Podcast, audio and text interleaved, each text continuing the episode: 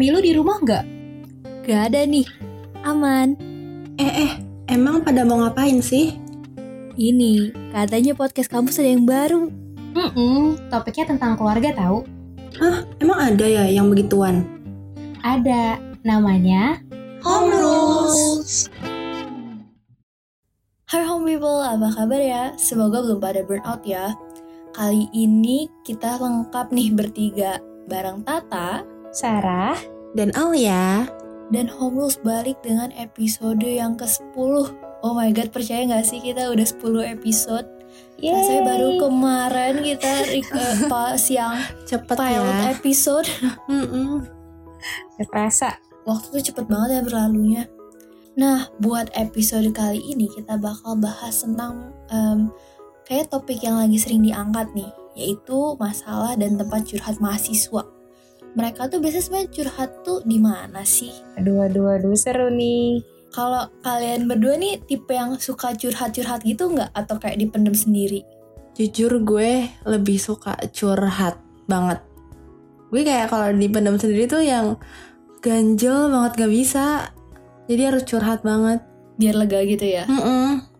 Kalau Sarah gimana nih?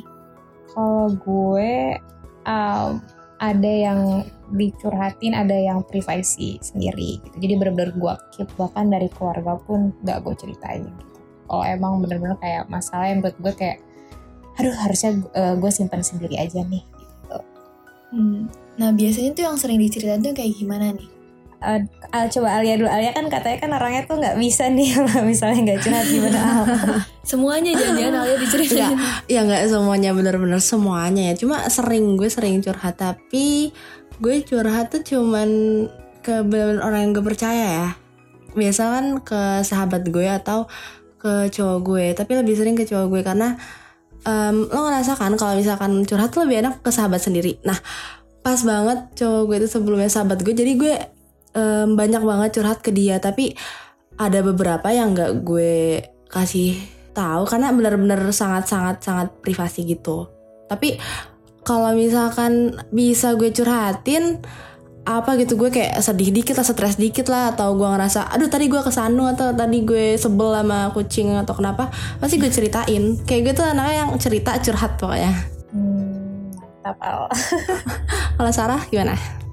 Kalau Sarah eh, biasanya cerita sebenarnya bukan cerita sih lebih kayak umpatan-umpatan. Kalau udah kesel banget tuh kalau apalagi kalau masalah kuliah ah, terus kayak tugas tambah terus ada yang ngeselin dan apa paling ke my Sambat circle gitu gitu, ya? iya sambat gitu paling ke teman-teman gue.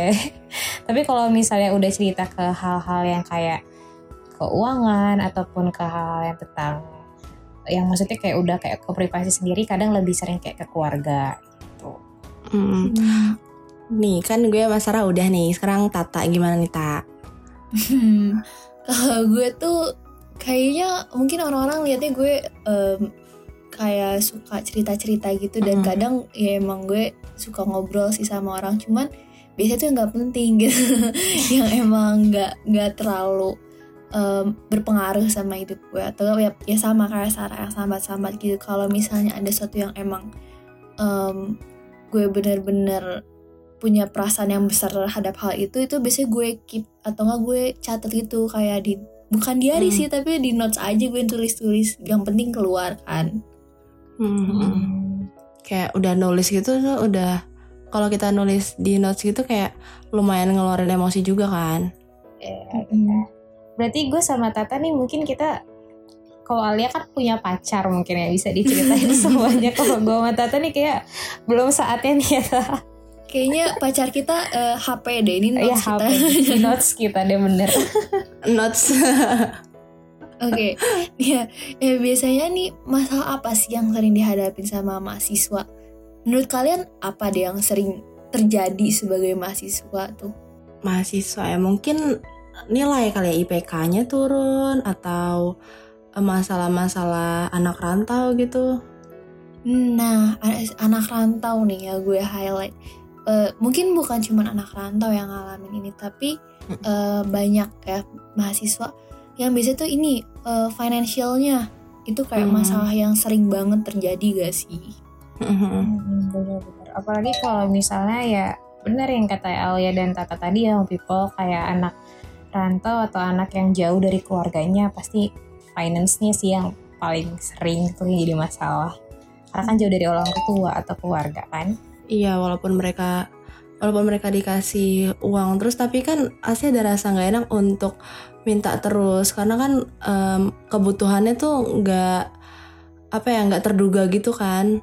Iya, apalagi kalau money managementnya emang belum memadai Mm-mm. gitu kan. Biasanya kadang ya kita dapatnya banyak tapi kok tahu-tahu udah habis gitu. kalau Iya. dibilang kalau sekarang apa katanya hari tua Hari tua. iya, ya udah akhir bulan sekarang ya. benar benar benar Mungkin juga kalau gue rasa selain emang menyulitkan em, mereka secara langsung ya dari aktivitasnya juga ini bisa ngaruh ke social circle mereka nggak sih? Kalau Wah, financial. iya. Mm-mm. benar benar benar banget sih Bener banget. pasti mereka em, ada berarti mungkin mereka bisa jadi kayak takut untuk bergaul ataupun Hmm. mereka berpikir tentang eh, hal-hal yang kalau misalnya gue punya temen kayak dia nanti pengeluaran gue banyak Iya. kayak udah insecure duluan Iya. Iya iya. Nah ini ini lucu banget soalnya gue tuh terma eh, apa di fakultas yang terkenal sama anak-anaknya hedon katanya. Stereotipnya tuh gitu fakultas Hmm. mereka biasanya FEB gak sih? Wah, Sekarang iya, lo gitu juga? Iya, anak kalau gue kan fakultas ekonomi dan manajemen ya sih emang rata-rata fem itu emang rata-rata anaknya yang terkenal seperti itu, yang stylish lah kalau di iniin. Sedangkan gue ngerasanya tuh kayak eh, itu nggak sepenuhnya benar. ya karena nggak semuanya kayak gitu kan. Ya, ya gue ngerasanya eh, kayak eh, bukan hanya nggak semuanya gitu, tapi bahkan di lingkungan yang orang-orangnya kayak gitu nggak berarti kita tuh nggak bisa diterima gitu kalau misalnya kita nggak sehedon mereka. Ya guys. Hmm, benar-benar. Iya. Malah temen temen maksudnya gini, eh, karena gue juga pernah merasakan ya, ada maksudnya ada sampai ada di circle gue punya circle yang lumayan maksud eh, lumayan anak-anaknya gitu, yang terkenalnya lumayan hedon mungkin. Mm-mm. Terus kayak ada orang yang pernah kayak nge- ngekritik sih. Gue gak mau bilang dia julid ya tapi gue mau bilang dia kayak ngekritik gitu. Kayak dia ngomong depan kita langsung kayak kalian mah enak gitu kan. Kalian mah enak gak usah ngapa-ngapain juga duit ngalir gitu. Terus kayak temen gue sampai temen gue ngomong gini lah lu nggak usah so tau maksudnya kayak nggak usah so tau ngomong kayak gitu. Kita kita temenan ya emang untuk saling membutuhkan. Jadi kalau nggak bukan termasuk yang orang-orang yang selalu ada apa pun gitu Iya. Elunya aja yang nggak asik gitu persepsi-persepsi yang seperti itu tuh yang insecure insecure orang-orang yang insecure insecure kayak gitu kayak kadang suka mengganggu ya Iya, padahal pertemanan juga nggak diukur dari kehedonannya itu. Mungkin kayak udah pikirannya tuh perspektifnya tuh udah kayak oh gue nggak nggak pantas buat di sana. Padahal berteman tuh sama siapa aja. Ya, sebenarnya kalau dari pengalaman gue nih ya, yang jadi masalah kenapa orang-orang yang insecure dengan eh, keadaan finansial mereka tuh bukan cuman gara-gara emang bener-bener gak mampu atau gimana, tapi lebih ke bener kata Sarah. Jadi eh, mereka malah ngekritik orang-orang yang mampu gitu. Iya benar. Itu itu jadi bikin sulit diterima padahal realitanya gue kalau misalnya di circle gue nih kalau misalnya emang ada yang lagi habis duitnya atau itu kalau emang mereka jujur dan kayak em, udah deket ya nggak mereka nggak bakal ngerasa sungkan gitu kayak oke Iya. gak apa-apa gue talangin dulu santai aja santai aja gitu kan nah benar heeh. sering banget kejadian sebenarnya tapi gue ma- eh, berpikiran mungkin buat yang para masih yang kayak insecure atau apa punya eh, ngeliat circle orang gitu mungkin mereka hanya ngeliat kayak di sosial media kadang kan kita Hmm. kalau ngepost ya namanya juga post Instagram gitu kalau post Iya. sama circle circle kan berarti harus yang bagus dan tempat Mm-mm. selesai mungkin yang bagus gitu tapi mungkin di dalamnya mungkin kayak mainnya juga nongkrong nongkrongnya tempat yang biasa aja gak sih di post Iya. di IG-nya di cafe gitu ya padahal semua makannya di pinggir jalan Nah, iya kan hal-hal semacam itu kan yang harusnya kalau orang yang ini bisa ini ya bisa Iya itu sering Hmm. terjadi Sering banget. dan ini berhubungan juga nggak sih dengan yang kayak em, tadi yang kritik-kritik itu dan dengan beda pendapat sama teman atau kayak ada em, konflik gara-gara beda perspektif gitu Iya, itu juga Mm-mm. bisa. bisa bisa Iya, jadi kalau misalnya eh, kan ada ya biasanya kita di satu angkatan tuh kan banyak banget. Satu kelas juga satu kelas lebih dikit sih tapi kan lumayan lah Iya, ya apalagi lumayan. kelasnya tuh ganti-ganti. Pasti ada aja yang nggak nyambung sama kita kalau iya. Ya, benar. pasti nggak nggak semuanya bisa nyambung juga. Apalagi kalau misalnya kita eh, jujur aja nih kampus gue tuh terkenal dengan kampus yang anak-anaknya rata-rata rantau gitu dan kita Hmm. terdiri dari orang-orang yang berbeda eh, kota berbeda daerah gitu. Itu juga menjadi salah satu pertimbangan gitu. Kalau misalnya temenan sama ini dia sakit ha- kalau dia dibawa ke kultur atau di disamain kayak di daerah gue gimana ya gitu kan? Karena ada Iya. kalau orang daerah itu yang mungkin ah lu disinggung sedikit bisa langsung marah gitu. Hmm, Iya iya. bahasanya beda. Bahasanya beda. Itu juga bisa buat beda pendapat sih. Ini gue gue ngerasain banget. Gue kadang suka takut kalau eh, kan karena gue di Bandung kan. Mm-mm. Eh, gue suka takut orang-orang yang ngerantau tuh ngerasa kayak terasingkan. Karena kemarin baru kemarin banget kita main dan tanpa sadar yang orang-orang Bandung tuh ngobrolnya pakai bahasa Sunda gitu. Dan tuh nggak sadar gitu loh kayak mereka diem-diem aja karena emang belum kenal banget kan. Tapi kayak eh jangan ngomong bahasa Sunda dong kasihan itu yang ngerantau nggak ngerti gitu ya itu juga sih salah satu hal yang buat sung- jadi canggung ya mungkin ya. Iya, pengen ngomong, pengen ikutan ngomong, tapi aduh gue nggak ngerti lu pada ngomong apa. Eh guys, btw ngomong-ngomong soal pertemanan dan circle, kalau kayak yang kita kita nih mungkin kita Hmm. pernah punya masuk fase ke pacaran gitu ya, Mm-mm. kayak um, kayak Alia kayak Alia. Oh. Nih kita kasih contoh nyatanya aja deh, Al. Lu kalau misalnya kayak pacaran gitu ada hal berantem sama cowok lu atau apa, ini bisa jadi maksudnya ngerusak mood lu nggak atau mental lu gitu? Pasti sih, pasti kalau ngerusak mood itu pasti banget. Siapa yang kayak lu sakit hati tapi nggak ngerusak mood kan nggak ada ya. Pasti ngerusak mood banget. Terus apalagi kalau misalkan benar-benar putus cinta yang aduh sakit hati banget itu bisa kayak nangis-nangis berhari-hari itu bikin kayak pengen bisa dibilang pengen gila gitu padahal kayak nggak harus gitu tapi emang itu nyambung banget sih sama kayak bikin mental health tuh jadi turun gitu mungkin sebenarnya bukan karena putus doang kali ya, tapi kayak romance life in general Mm-mm. tuh berpengaruh besar gak sih sama kehidupan kita? Kayak misalnya kalau lagi cemburu atau apa Iya. harusnya ngerjain tugas jadi Iya, aduh gak fokus dia kenapa tuh. ya? Dia lagi di mana ya? Ya eh, suasana dan pemikiran kita yang buat kita jadi merasa mood jadi nggak baik gitu. Mm-mm. hal-hal yang harus dilakukan jadi tidak dilakukan. Mm. tapi kalian berdua tuh emang term- eh, orang yang maksudnya yang melakukan segala sesuatu itu pakai mood atau enggak? Gue iya gue iya kayak semuanya iya. ya. Gue kadang tuh kalau lagi sebel ya kayak ah sebel gitu. Terus jadi malas ngapa-ngapain ah yalah jadi kayak jadi berantakan gitu loh yang dikerjain. Jadi mending kayak gue em, bikin mood gue baik dulu gue udah tenang baru gue ngapa-ngapain. Mm-mm, iya. Gue tuh kalau emang lagi nggak mau ngapa-ngapain bener-bener kayak seharian tuh gak ngapa-ngapain walaupun malam itu ada deadline ntar udah kekumpulin 10 menit beres gitu tugasnya. Asal tugas asal moodnya udah ada gitu. Gue sa- nggak sampai gitu sih. Gue tuh pokoknya kayak em, pokoknya udah rada tenang. Gue harus ngelanjutin yang lain gitu. Sampai pokoknya sampai lupa lah. Hmm. tapi nggak sampai seharian gitu tak tapi kalau misalnya emang masalah mahasiswa tuh sebenarnya kalau mood itu asalkan ada tugas sih ya. Kalo- Mm-mm. kayaknya gue kalau gue tipe orang yang kalau misalnya emang udah ada tugas atau apa baru mood gak bisa menghancurkan sih. Apalagi kalau udah deadline tugas ya. Jadi mood mau mood gue jelek atau enggak ya udah tetap kerjain aja tugas. Demi IPK demi IPK.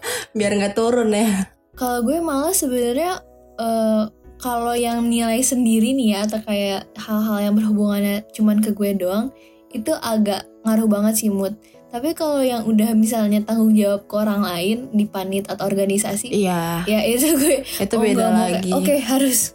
Harus banget dipaksa nggak mungkin kayak kita ngorbanin acara itu demi mood kita sendiri kan. Iya tapi IPK turun ini juga emang bisa bikin down banget kan. Iya heeh.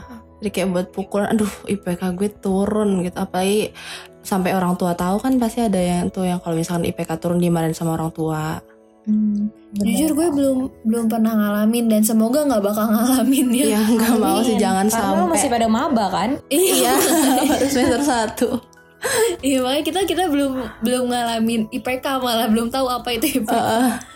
Nih, eh, kalau lu sendiri gimana Sar? Pernah nggak ada yang turun gitu nilainya? Em, gue enggak Eh, gue dari semester 1 semester 1 ke semester 2 ya untungnya naik ya. syukur ya Syukurnya naik gitu.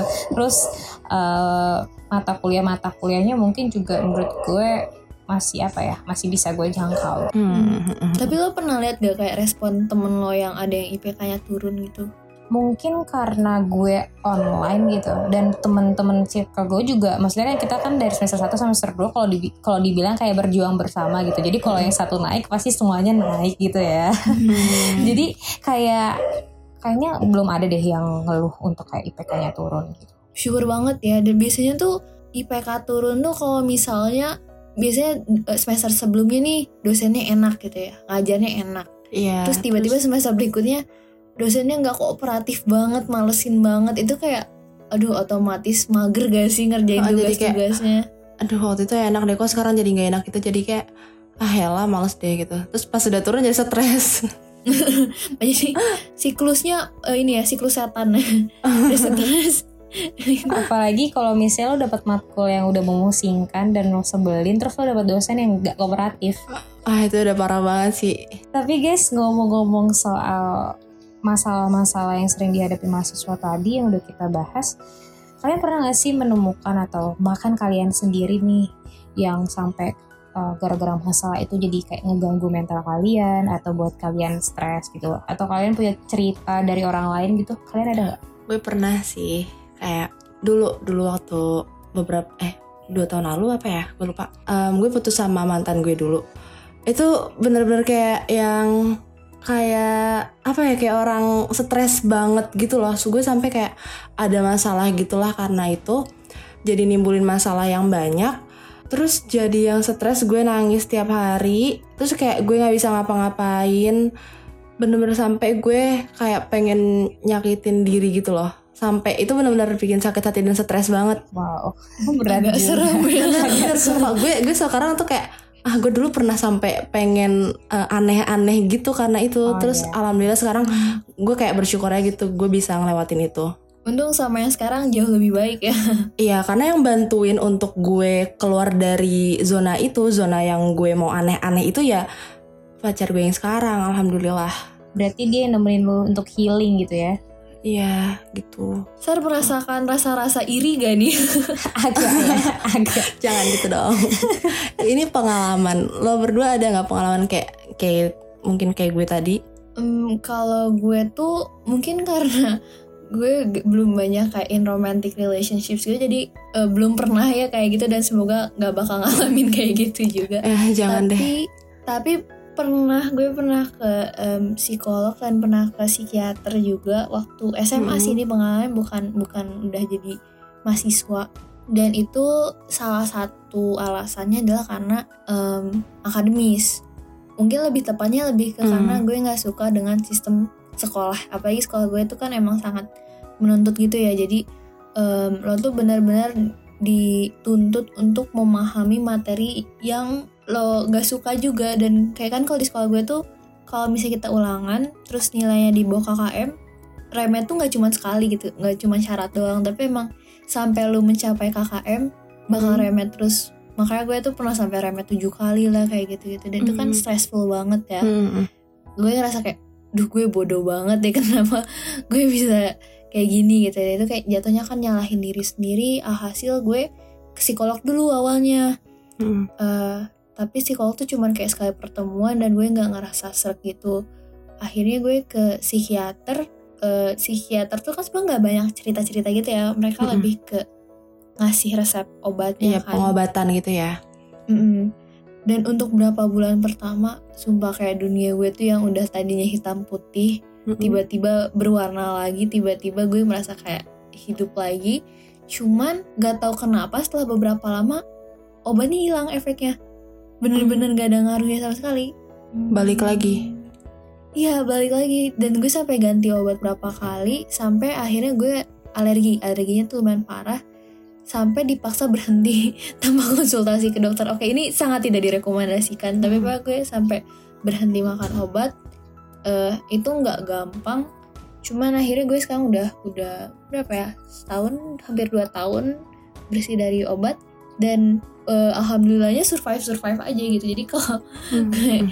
apa sih dari berdasarkan pengalaman gue ke psikolog ke psikiater tuh nggak harus banget cuman mungkin bisa membantu eh, to a certain extent gitu loh Hmm. Hmm. Home people bener banget yang tadi diceritain sama Tata dan sama Alia tadi.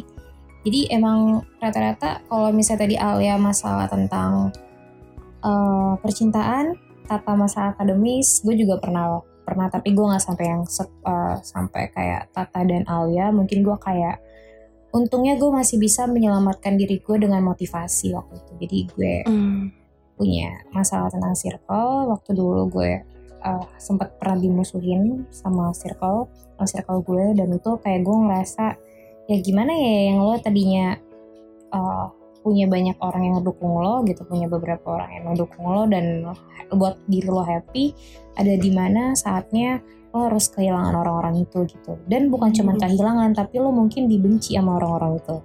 Itu yang mungkin uh, di saat itu gue sedih banget dan gue berpikir kayak gue sendirian gitu. Tapi ada waktu itu gue akhirnya untuk menyelamatkan diri gue sendiri karena waktu itu juga mau kelulusan gue berpikir untuk gimana caranya gue bisa fokus ke tujuan gue akhirnya gue buat niat gue nonton-nonton motivasi gitu uh, dan sama kayak kayak Alia waktu itu gue Mhm. mendapatkan seorang sosok yang bisa buat healing yang bisa Mhm. buat bantu gue healing dan ya apa ya ya gue merasa hidup gue berwarna lagi dan gue berpikir dan dengan saat itu gue sampai berpikir ternyata saat uh, beda loh saat lo kehilangan sahabat dan saat lo kehilangan uh, pacar gitu saat lo Mhm. kehilangan pacar mungkin lo masih oh gue kehilangan satu orang gitu Hmm. tapi kalau misalnya lo kehilangan sahabat itu lagi yang udah sahabat-sahabat lo dan karena kehilangannya sampai lo dibenci itu bener-bener yang namanya mental lo kayak diuji gitu ya Iya. gitu. Tapi some people ini pelajaran juga ya dari cerita gue,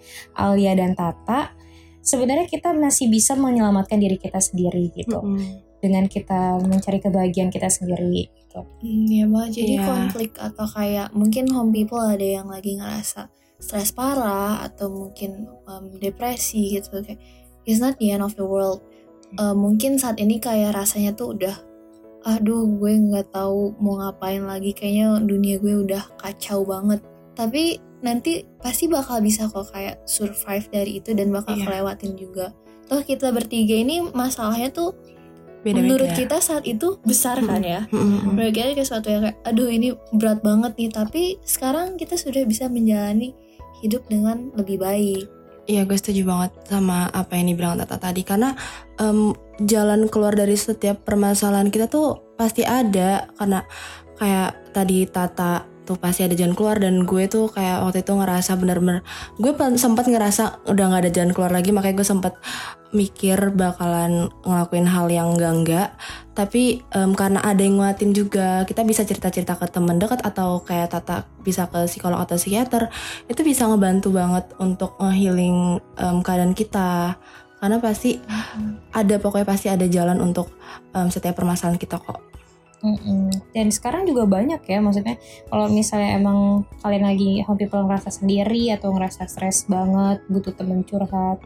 Sekarang udah banyak kayak lo tau gak sih kayak aplikasi online atau situs web-web online Iya. gitu yang ngebantu ya itu kita banyak banget Hmm, buat konsul gitu ya konsultasi ah, gitu. Oh, itu udah banyak. Eh, kalian bisa maksudnya ba- eh, banyak cara loh untuk kalian untuk bisa bercerita. Mungkin kalau kalian stres, salah satu caranya itu dengan bercerita gitu. Dan di, di situ banyak layanan-layanan online, web-web online, aplikasi-aplikasi online yang bisa membantu dengerin cerita kalian. Iya mungkin kayak uh, people punya masalah tapi nggak bisa cerita ke siapa ke orang tua nggak bisa ke sahabat nggak bisa atau ke pasangan nggak bisa bisa banget tuh kayak kita konsul ke konsultasi online kan ada banyak banget Hmm, bahkan Hmm, ada bener. kayak istilah katanya kita tuh bisa lebih gampang terbuka dengan orang yang gak kita kenal sama Iya, sekali Iya, Ah. stranger ya. Mm-mm. Ah. karena mereka nggak terlibat langsung kan ke kehidupan kita gitu jadi kita cerita nggak cerita ke mereka tuh ya bakal sama aja hidup kitanya maksudnya iya eh, kan bilang kalau kita cerita ke ortu atau ke temen gitu nanti takutnya mereka berubah kan atau malah nyalahin kita. Kalau ke stranger kan mereka nggak bisa ngejudge. Ya karena emang mereka benar-benar pure untuk nolongin kita untuk ngadepin masalah-masalah kita. Dan home people jangan sampai menyia-nyiakan diri untuk memikirkan hal-hal yang membuat emang diri sakit gitu. Karena kesehatan itu tuh mahal. Apalagi kesehatan Hmm, mental tuh mahal. Apa yang kalian lakuin itu tergantung mental kalian. Aku selalu punya prinsip apa yang gue lakuin itu tergantung mental gue dan diri gue gitu. Kalau mental gue rusak itu udah bahaya banget buat diri gue. Iya, bisa bisa jadi malah ngerusak fisik loh jadinya kan. Karena pokoknya kesehatan mental tuh penting banget. Dan konsultasi kesehatan mental tuh juga penting banget. Jadi kalau misalkan kita ada masalah tuh em, kalau udah gede banget tuh jangan dipendam sendiri. Takutnya malah kejadian yang enggak-enggak. Makanya ada psikolog, ada teman dekat itu em, untuk kita bisa ngeluarin masalah-masalah yang kita hadepin. berarti emang konsultasi kesehatan tuh penting banget ya Al Mm-mm. penting banget kan mereka em, kita konsultasi tuh bisa ngeban ada yang ngebantu kita untuk ngadepin eh, masalah-masalah yang kita hadepin kayak tadi Iya, terus juga jadi kita punya pandangan positif ke depannya gitu loh jadi kita nggak mikir pendek oh gue gini aja deh enggak tapi kita punya pandangan positif oh gue bisa ngelewatin ini gitu Hmm, kayak ada yang nge-support kita juga Mm-mm. kan kalau dan yang Mm-mm. pasti tuh kalau kita konsultasi tuh berarti kan ada yang tahu dengan situasi kita karena Iya. kadang kalau kita emang lagi ngedown gitu tuh kadang kita nggak mau em, komunikasi sama siapa-siapa kan tapi kalau misalnya Iya. orang-orang di sekitar kita tuh nggak tahu kita lagi ada masalah apa eh, takutnya malah nanti ketika sesuatu yang tidak diinginkan terjadi tuh nggak ada yang bisa nyegah gitu Iya, Hmm, bener kalau kita cerita kan pasti kayak ada yang ngasih jalan keluar, ada yang ngasih nasihat, motivasi. Jadinya em, terbukalah pikiran kita untuk untuk Hmm. keluar dari masalah itu. Hmm, atau bahkan cuma nemenin juga kayak itu membantu banget. Kayak memastikan kamu tidak merasakan sendiri tidak merasa sendirian gitu. Benar-benar. Iya, Tapi balik lagi uh, home people dan teman-teman yang lainnya ketika kalian melakukan konsultasi kalau saran dari aku itu bener-bener kalian yang bener-bener membutuhkan gitu. Mm-mm. karena kan ada tuh tahu nggak tak uh, al kasusnya yang ada kan yang bisa nelpon untuk ke psikolog eh atau nelpon ada call center gitu yang Iya. untuk khusus dia kita dengerin cerita curhat para masyarakat. Setahu gue ada waktu itu oh hotline gitu. Ah, ah, ah. tapi itu kayak jadi dipermainkan gitu. Ada kasusnya juga kayak dipermainkan. Jadi kayak ditelepon diisengin gitu. Dan oh iya. iya itu pernah waktu itu. Kalau nggak salah gue ngeliat itu di tiktok gitu. Kan jadi Oh, maksudnya ampun, jadi parah jadi apa ya? hal-hal yang hal yang kayak kita udah dikasih kasih disediakan fasilitas gitu sama negara Mm-mm. kita gitu. Jadi jadi apa ya jadi sia-sia gitu kan kalau misalnya kayak Mm, dipermainkan iya. gitu Itu juga jadi ngeganggu sama orang yang benar-benar butuh. nah iya kasihan yang Mm-mm. butuh bantuan profesional sebenarnya kan Iya. Jadi kayak Hmm. ke skip itu sama anak orang-orang yang malah ngebercandain main-mainin. atau yang kayak Mm. nemenin gabut itu itu parah banget sih Iya. Gue mau nambahin juga nih sebenarnya kalau Mm-mm. ngomongin nih kayak em, konsultasi ke profesional tuh konsultasi kesehatan mental tuh emang penting. Mm-mm. tapi agak difilter juga gitu loh kita konsultasinya ke siapa jangan kayak kan sekarang tuh kita curhat di sosmed tuh gampang banget ya Mm-mm, kayak mungkin karena saking mudahnya kita cerita suka nggak sadar tuh hal-hal yang harusnya tuh eh, Iya. privacy kita gitu. Jadi too much ya ceritanya tuh. Hmm, karena netizen itu sebenarnya bukan profesional ya home people. Jadi jangan berekspektasi terlalu tinggi malah kadang ada orang yang curhat atau Hmm. apa so- eh, sedih di sosial media malah dikatain gak sih Iya, gue dijudge. sering banget ngeliat kayak gitu, ngeliat kayak gitu kayak cerita mungkin harusnya nggak diceritain jadi malah feedbacknya tuh malah negatif ke dianya. Mm-mm. ya makanya itu penting banget buat kita harus tahu dulu nih orang yang mau kita ceritain itu siapa gitu Benar-benar yang dipercaya, benar-benar yang emang deket atau ya emang dipercaya tuh paling pasti nomor satu yang dipercaya sih. karena nggak semua orang sekarang peduli sama kita Mm-mm. ada orang yang cuma pengen tahu masalah kita Iya, cuma gue kepo disebarin doang. lagi Jadi disebarin lagi Iya dicepuin malah ya. Oke, on people penting banget ya untuk em, perhatiin kesehatan mental kalian. Jadi jangan dipendam sendiri. Kalian bisa cerita ke teman, sahabat, pacar, atau ke psikolog, eh, psikiater udah banyak banget atau bisa konsultasi online ya. Jangan sampai em, ada hal-hal yang tidak diinginkan karena kalian em, mendem tuh masalah-masalahnya yang banyak nggak diceritain. Oke, home people, kita udah cukup banyak nih em, ngebahas tentang masalah-masalah mahasiswa, tentang kesehatan juga ya, men- apa kesehatan mental. Em, ka- mungkin cukup sampai sini aja ya perbincangan kita. Oke. Bener-bener. Um, Oke, home people uh, tetap uh, selalu jaga kesehatan, apalagi kesehatan mental itu penting banget ya. Makasih banyak home people yang udah dengerin Home Rules hari ini. Jangan lupa dengerin Home Rules setiap hari Selasa dan hari Sabtu jam 20.30 WIB via Spotify dan via Anchor karena kita bakal balik lagi dengan topik yang lebih menarik. So, this is Alia This is Sarah. This is Tata. and stay tuned on Home rules.